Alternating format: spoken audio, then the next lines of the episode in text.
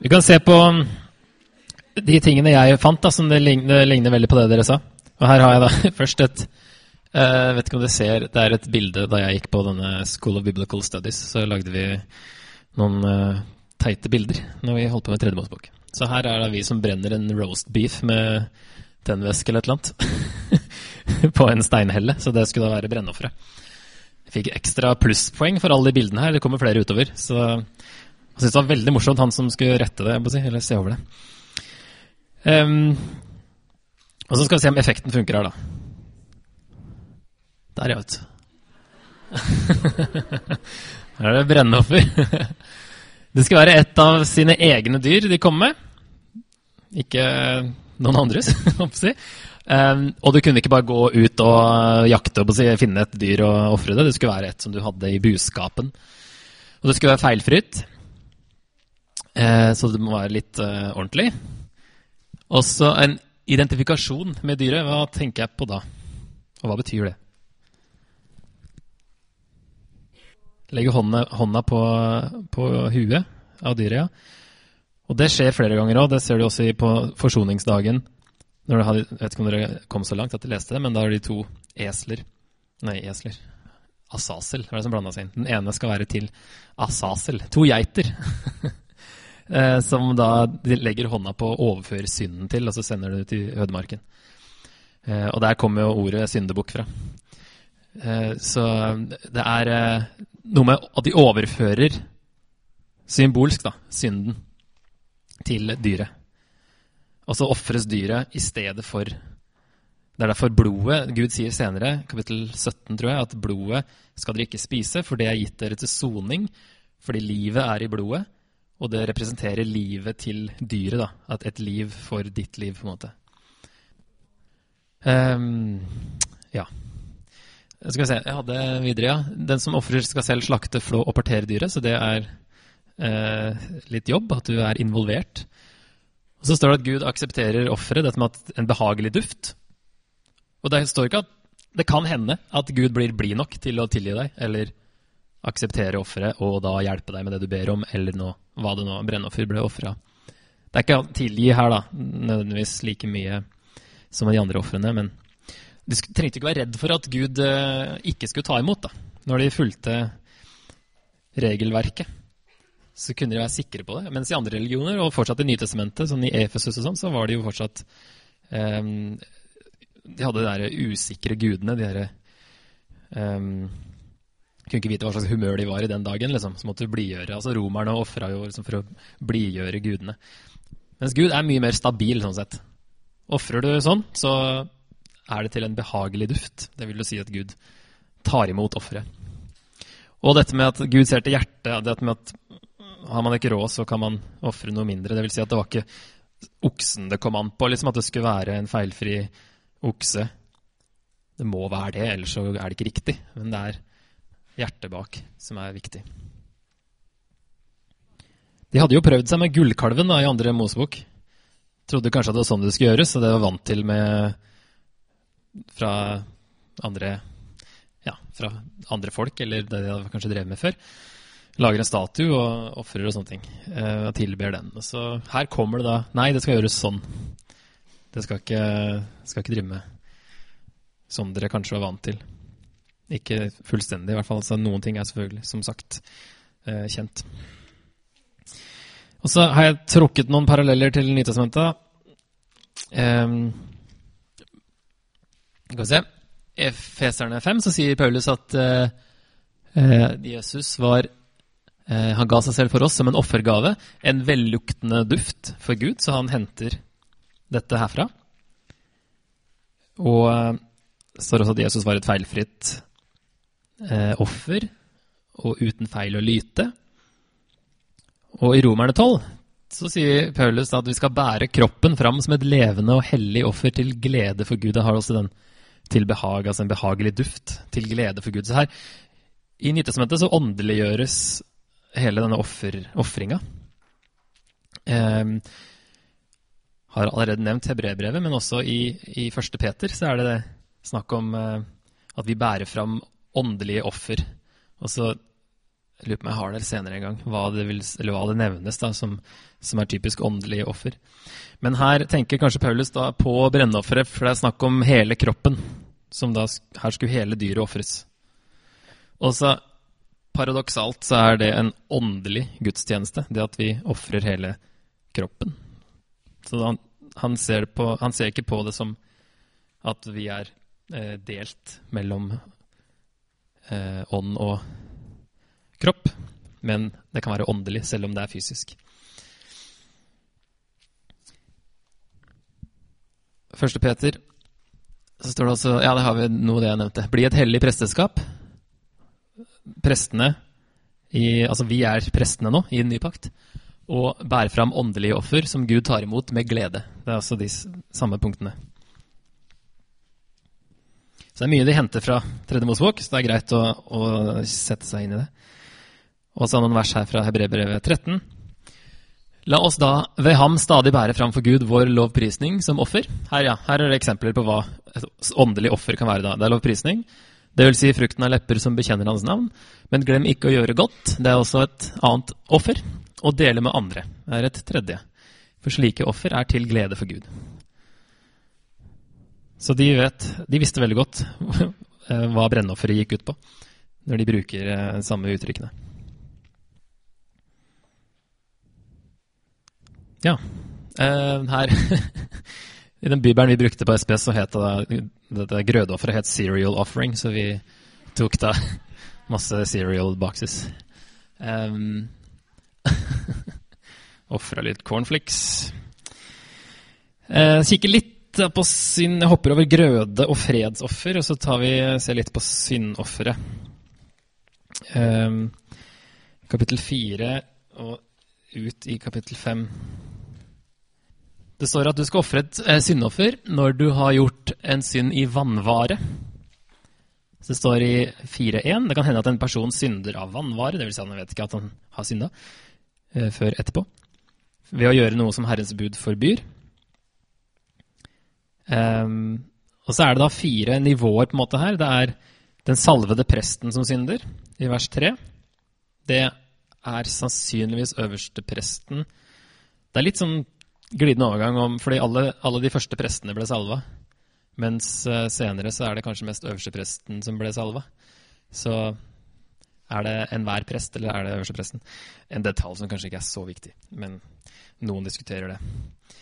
Og så er det da nivå to er eh, hvis hele menigheten synder, i vers 13. Og så er det i vers 22 det kan hende at en leder synder. Og i vers 27 det kan hende at en av folket synder. Eh, så det er fire forskjellige, og i de to første uh, Ja, det kommer kanskje litt senere. To første ofrene når, liksom de, de, når, det er mest seriøst, da, når det er presten eller hele folket som synder. Sånn som de ser i Fjerde Mosebok, når alle plutselig begynner med noe helt på trynet. Da, da, skulle blodet bæres inn i helligdommen, for da hadde helligdommen på en måte blitt uren. Mens når det er um, uh, en leder eller en av folket, så skulle det strykes på brennofferalteret. Så det er litt forskjellig framgangsmåte etter hvor alvorlig det på en måte er. Jeg tror de kommer, de punktene nedover her. Men ja, så det er av vannvare, og så er det også når man ikke gjør noe man er pålagt. I, eh, i kapittel 5 så står det det kan hende at en person gjør en synd. Han vitner ikke om noe han har sett eller har kjennskap til, selv om han har fått rettslig innkalling til å vitne. Da må han ta sin straff. Hvis du ikke møter opp i rettssalen da skal du ofre et uh, syndoffer. Eller personen rører ved noe som er urent. Han var ikke klar over det, men blir likevel uren. Eller han rører ved noe urent hos uh, mennesker. Ja, først var det et dyr, ellers er det et menneske her. Enhver urenhet som en blir uren av. Han var ikke klar over det, men blir oppmerksom på det. Han har ført skyld over seg. Eller sverger tankeløst at han vil gjøre et eller annet, Ondt eller godt, hva det så kan være et menneske sverger på i tankeløshet. Han var ikke klar over det, men blir oppmerksom på det. Så det er forskjellige grunner til at de skal ofre syndoffer. Og så er det også ved diverse urenhetstilfeller senere. Dette med Eh, når du var født, eh, etter en fødsel så skulle du ofre et syndoffer. Og Derfor tenker man kanskje at det er kanskje mer et renselsesoffer enn et syndoffer, fordi det skulle brukes til å rense det som ikke var synd. Så de har oversatt det litt forskjellig.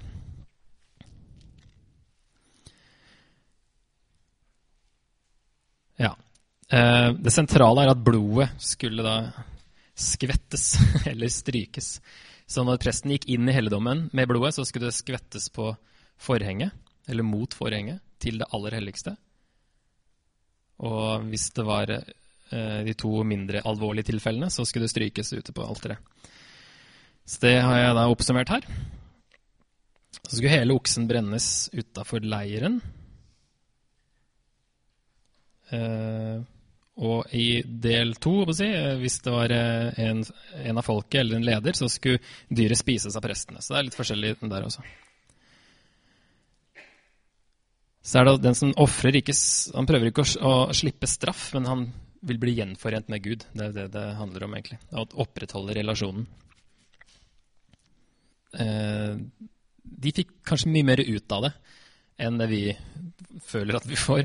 Når de gjorde det på den, måten, så følte de kanskje åh, dette var godt. eller et eller annet sånt. da. Eh, at det var sånn de var, noe av det var allerede i tankegangen. Eh, jeg har også noen eh, paralleller her, tror jeg, til Nytestamentet. Fra syndofferet at ja, det er mer alvorlig når ledere synder. Det står at de har større ansvar, og akkurat som lærere skal dømmes strengere. Så ikke mange av dere skal ønske å bli lærere, står det. Ja da. Synd er ikke subjektivt eller basert på vår samvittighet. Det er fortsatt synd selv om du ikke vet at det er synd. Den tror jeg fortsatt gjelder. Det er ikke opp til hver enkelt hva som er synd. All synd er skadelig og alvorlig. Det ødelegger vårt forhold til Gud. Tredje Mosebok viser hvor alvorlig Gud ser på synd. Altså, Eh, en parallell til Jesus, at hans blod det ble ikke strøket eller skvettet, som det står her, men det ble utøst, som det nevnes der bl.a. i Markus. Eh, og han, I hebrebrevet så står det at han tok sitt eget blod inn i den himmelske helligdommen, sånn som da presten eh, skulle gjøre her hvis det var øverstepresten eller en leder. Så, nei, hele folket hadde synda.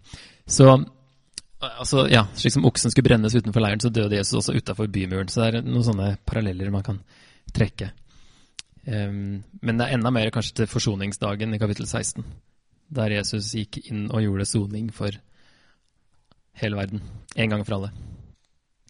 Og ikke en gang i året. Her har vi uh, Nadab og Abihu, sønnene til, sønne til uh, Aron, som uh, i kapittel 10 ofrer uinnvidd eh, ild.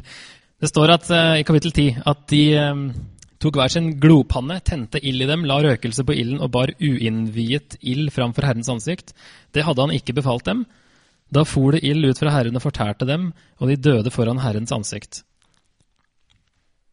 Veldig sånn kort fortalt, men her er det da eh, hva, hva, er det som skjer? Hva er greia? Um, Det står liksom ikke grunnen helt, det står bare at det er uinnviet. Og det samme ordet brukes ofte om innvandrere på hebraisk. Så det kan være at det var en eh, importert skikk som de da ønska å blande inn allerede på det tidspunktet her. Blande inn noe som de kjente fra andre religioner. Eh, eller eh, Ja, det kan også ha vært Jeg vet ikke hvor mye belegg de har for det, men kanskje mer spekulasjon om det var et ritual som ble gjort da man ble innviet til prest, som de hadde hørt om, eller hadde kanskje gjort da. Andre Eller ja, de var ikke prester før. Men kanskje noe som var vanlig. Eh, eller henta de ilden fra et annet sted enn brennofferalteret. Um, hvis det nå ikke er noen stor kapittelinndeling her, at det fortsetter veldig fra det forrige, så står det at det for ut ild fra Herren og fortærte det som var på alteret, både brennofferet og fettet. Da folket så det, ropte de høyt av glede og kastet seg ned med ansiktet mot jorden. Og hvis det her da fortsetter Vi føler som at det er en ny dag når det er et nytt kapittel, men hvis det er samme situasjon, så er det kanskje vanskelig å hente jeg synes det er, Teorien er da at da, er det, da kan du ikke hente ild fra brennofferalteret og så hente det et annet sted. Men de kan ikke akkurat gå inn i helligdommen heller hvis det er ild der inne. Så jeg tror ikke den kanskje holder helt. Når eh, Herren får ut ild fra Herren, det vil si at det kom inn ild innifra teltet og ut. Så jeg tror ikke de kunne gå inn da. Så det var kanskje et lite opphold. Um, men der, ja, man vet ikke helt. Enten henta de ilden fra et annet sted, Eller så var det et ritual de prøvde å eh, blande inn. Og så er det noen spor kanskje senere som står Altså gikk de innafor forhenget til det aller helligste? For i kapittel 16, forsoningsdagen, så, så står det da um, Herren talte til Moses etter at de to sønnene til Aron var døde, de som døde da de trådte fram for Herrens ansikt. Det vil jo si at de gikk ganske langt inn, da. Herren sa til Moses, si til din bror Aron at han ikke til hvilken som helst tid skal gå innenfor forhenget til helligdommen fram mot soningsstedet som er lokket på pakkisten, for da må han dø, for jeg viser meg i skyen over soningsstedet. Kanskje de gikk inn der, og det var grunnen, selv om det nevnes ikke i kapittel 10. Eller så er det da en rabbinsk tolkning at de var påvirka av alkohol, fordi det kommer i sammenhengen her eh, i vers 8. Herren sa til Aron, vin eller sterk drikk må du og sønnene dine ikke drikke når dere går inn i telledommen, for da skal dere dø. Eh, det kan være det òg, det er mye spekulasjon rundt det. Men et eller annet var det som var veldig feil, da. Så deres uinnvidde ild blir møtt med Guds ild. Og så er det et sitat fra en kommentar jeg leste. Guds hellighet er som elektrisitet, man kan ikke behandle den slik man vil.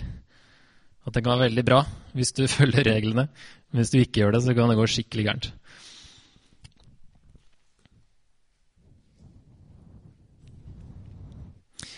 Ja, vi tar litt med rene og urene dyr, da. Sånn på slutten, for det er jo ganske sentralt. Det finnes ikke noe sånt lignende system i andre kulturer på den tida, men de dyrene som nevnes som rene, er dyr som det var vanlig å spise. Så de var på en måte vant med det allerede. Så er det forskjellige tanker da, rundt hvorfor det ene er, noen dyr er rene og andre er urene. Den vanligste er jo at det er av helsemessige årsaker.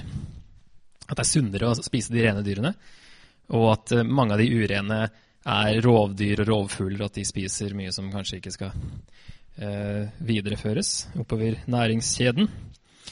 Eh, det er nok mye sant kanskje i det, men eh, det ser ikke ut til at det kan være hele svaret. Um, og hovedargumentet er jo da at Jesus sa at nå kan nå er alt rent. Altså I nye pakt så har vi ikke det her lenger. Og hvis det var, hvis Gud hadde gitt det her som mest uh, for helsas skyld, så er det litt uh, baklengs at han ikke beholdt det. Men det er den mest vanlige oppfatningen, at det er sunnere. Og er, Jeg leste en bok av en som uh, hadde blitt, han mye syk, var mye sjuk, men han hadde blitt mye friskere av å faktisk holde seg til de rene dyrene. Um, nå skal ikke jeg si at det ja. Det kan være noe i det, men, uh, men uh, ut fra her så ser det ikke ut til at det er hele svaret. Et annet et er at det er ut fra skaperverket. Uh, der i første Mosebok deler alle, alle, dyrene blir delt inn i tre grupper. Det er det, det som er i vannet, det som er på land, og det som er i lufta. Og så er det da de er rene dyr, de som holder seg til én av de eh, områdene. Mens de som eh, går litt over i to, de er urene. At det er mer en sånn mental ting. At eh, for å hjelpe dem til å folket da, til å holde seg eh, atskilt fra folkene rundt og ikke blande seg. Sånn at da er det dyr som er både i vann og eller de, de urene fuglene, f.eks. Mange av de er da at de dykker i vannet og litt sånn at de er litt blander litt eh, kategorier. Ja, jeg tror jeg går videre. Neste er at det er, handler om liv og død, som jeg nevnte i begynnelsen. Og da er det da det som såkalt myldrer. Altså slanger og krypdyr og sånne ting. Ja, spesielt slanger ville da assosieres med slangen i Edens hage, og at det var symbol på død, og at det blir litt mer sånn. Um, og at de rovdyr og rovfugler eh, De spiser blod, og det var urent. Altså, man skulle ikke gjøre det. Og, altså da, at det har noe med mer symbolsk å gjøre, da. Og at villsvin og rovfugler også holdt til i eh, sånn ruiner og ødemarken, der man også tenkte at der bodde demoner. At det var også litt sånn hva man trodde den gangen. Eh, og at dyr på bakken var assosiert med, med døden, det dødsrike, eh, graven. da. Mye teorier rundt det her. Um, ja, så det summeres opp da som at det som er rent, har med liv å gjøre. Liv, helse og hellighet. Og det som er urent, har med døden, sykdom og det verdslige å gjøre. Jeg føler at akkurat her så ble det litt vanskeligere for meg å holde ting fra hverandre. Jeg var egentlig ikke klar over at det var så mye mer enn helsebegrunnelse på det her, men det er visst andre tanker. Så er det en som bygger på den. Det er at eh, natur mot kultur, altså de dyrene som invaderer menneskens rike, kulturen, de, de, er urene. De som da spiser kjøtt fordi bare mennesker skulle spise kjøtt, og insekter som biter eller uh, skader mennesker, er urene. Eller de som skader klær, altså møll og sånne ting, er urene. Så at det er noe kontrast der. Og så er det at det var eh, antikananeisk. altså Det er som sagt allerede sett mye som er brukt i religionene rundt, og som, som de da skal være annerledes bare fordi. Bare derfor. Eh, og Det ser vi senere, og jeg kan ta litt om det neste gang. At de lovene som vi kanskje ikke skjønner poenget med, det er ofte det at de skal være annerledes enn de rundt seg. F.eks. at du ikke skulle koke et uh, kje, heter det på norsk, i melka til mora. Altså en, er det en geitkilling? Er det det samme? Killing og kje? Skal ikke koke det i melka til mora si. Det var sånn herlighet for en lov. Men det var jo et ritual i, i, andre religioner rundt dem. Så det skulle de ikke gjøre. Så sånne ting, når det liksom kommer til en lov som bare det her skjønner jeg ikke noe så kan det godt være at de skulle være annerledes, bare. Så det her, eh, ja, Poenget, da, for å summere opp det her for slutt ja, ok, Først var det litt apologetikk, og der må jeg holde den rød for at effektene skulle funke. En liten effekt, bare. men eh, ja, for ofte hører man liksom at eh, ja, men haren tygger jo ikke drøv og bla, bla, det er feil i Bibelen og sånne ting. Nei, Det hebraiske uttrykket betyr jo ikke akkurat det samme som å tygge drøv, men uh, å tygge maten ordentlig. Sånn at uh, denne fjellgrevlingen som nevnes, det er jo sånn den ser ut. Det visste jeg ikke. Jeg visste ikke hva det var for noe. En fjellgrevling. det, en annen ting da, for at det her ikke er uh, så lett å finne ut av, er for man klarer ikke helt å finne ut hvilke dyr som nevnes engang. Så i forskjellige oversettelser så har de forskjellige dyr for det samme hebraiske ordet. Um, så det kan være forskjellig når du leser forskjellige bibler. Og engelsk og norsk så er det forskjellig. Men uh, fjellgrevlingen han tygger ikke drøv, men han tygger nesten hele tida. og for, for uh, folk på den tida så, så det ut som han, han tygde ordentlig, i hvert fall. Selv om det ikke er helt det samme som å tygge drøv i dag. Haren tygger ikke drøv, men spiser innimellom litt av sin egen avføring. Det er kanskje grunnen nok til at den skal være uren. Um, at den uh, tygger også litt ekstra. Flaggermus er ikke en fugl i moderne kategorier, selv om det kalles en fugl i, i kapittelet her. Men uh, so what? Det er ikke våre kategorier de går etter. For dem så var flaggermus en fugl. Uh, flyvende vesen. Kamelen har faktisk kløvde klover, men det er ikke synlig, visstnok, for den er så bløt at du ser ikke den eh, sprekken imellom. Så det ser ut som den har én klov, bare. For dem så da ville det være naturlig, og de forsto det, at den har ikke kløv, kløvde klover. Eh, selv om den kanskje biologisk eh, har det. Så litt baklengs å si at Bibelen er feil ut fra våre moderne definisjoner. Men det er det mange som da gjør akkurat her. Men det viktigste med dette med rent og urent, det er at det var en påminnelse om at de er kalt til å være rene og hellige for Gud, utvalgt blant folkeslagene og annerledes enn dem. På samme måte som han satte dem til side fra de andre nasjonene, måtte de skille ren fra uren mat. Ja, det er egentlig det samme. Og En effekt av det ville jo da være at de ikke kunne ha bordfellesskap med andre folkeslag hvis de spiste andre ting, og kunne derfor ikke delta i hedenske fester der de kanskje drev med urene dyr. da. Så det er også for å hjelpe dem til å holde, holde seg adskilt. Og Derfor kan disse restriksjonene fjernes i Nytestamentet, fordi jøde- og hedningsskillet ikke lenger definerer Guds folk. Og det ser ut som det var noe for å hjelpe dem til å være annerledes, siden det da ikke er noe som fortsatt gjelder. Jesus sier i Markus 14.: Skjønner dere ikke at ingenting som kommer inn i mennesket utenfra, kan gjøre det urent? Det kommer jo ikke inn i hjertet, men bare ned i magen og går ut og, og dit det skal. Dermed slo han fast at all mat er ren, og han la til det som går ut fra mennesket, det gjør mennesket urent. For innenfra, innenfra fra menneskehjertet, kommer de onde tankene. Hor, tyveri, mord, ekteskapsbrudd, grådighet, ondskap, svik, utskeielser, misunnelige øyne, spott, hovmod, vettløshet. Alt dette onde kommer innenfra og gjør mennesket urent. Jesus sier at det kommer ikke an på hva du spiser, men det kommer an på hjertet ditt. Det er der urenheten er. Um, ja. En som vi fort tenker, da, det er at uh, Ja, jeg skrev Vår respons til Tredje Mosebok bør være mer enn bare 'tenk så fint at vi slipper å drive med alt det der'. Det er liksom ikke det som er poenget med Tredje Mosebok. At vi skal være letta. I stedet må vi se Guds hellighet og implikasjonen at vi må derfor leve hellig også. Som da, som sagt i begynnelsen, er noe som går igjen ganske mye i Nytestamentet. Det er den samme Gud i begge testamenter. Han forandrer seg ikke, og han er like hellig nå som da.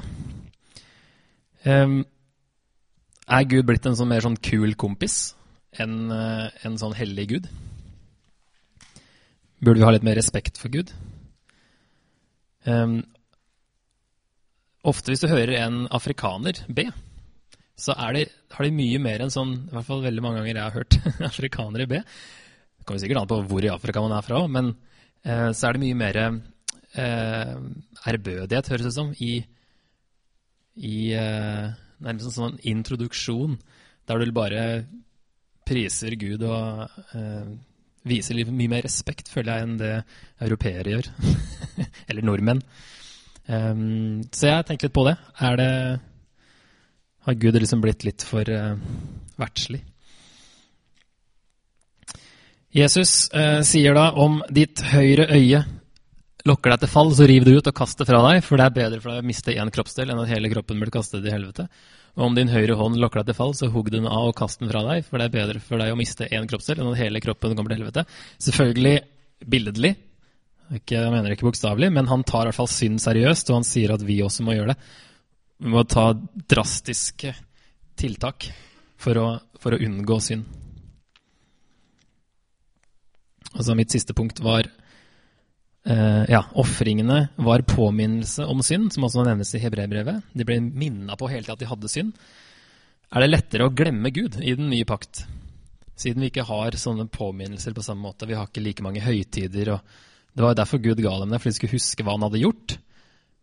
Og så tenkte jeg liksom sånn vi Mange som bare eh, sklir bort fra Gud, hvis det er litt sånn Jesus i baklomma-uttrykket. Eh, eh, og man ikke tar opp sitt kors hver dag osv., og, så videre, og så plutselig en dag så innser man at eh, Oi, jeg har mista troen et sted, liksom. Eh, at det er kanskje Man må være litt aktiv for å, for å huske på hva Gud har gjort. Og, ja. Så ja, det er bare en tanke som det kan dere tenke på.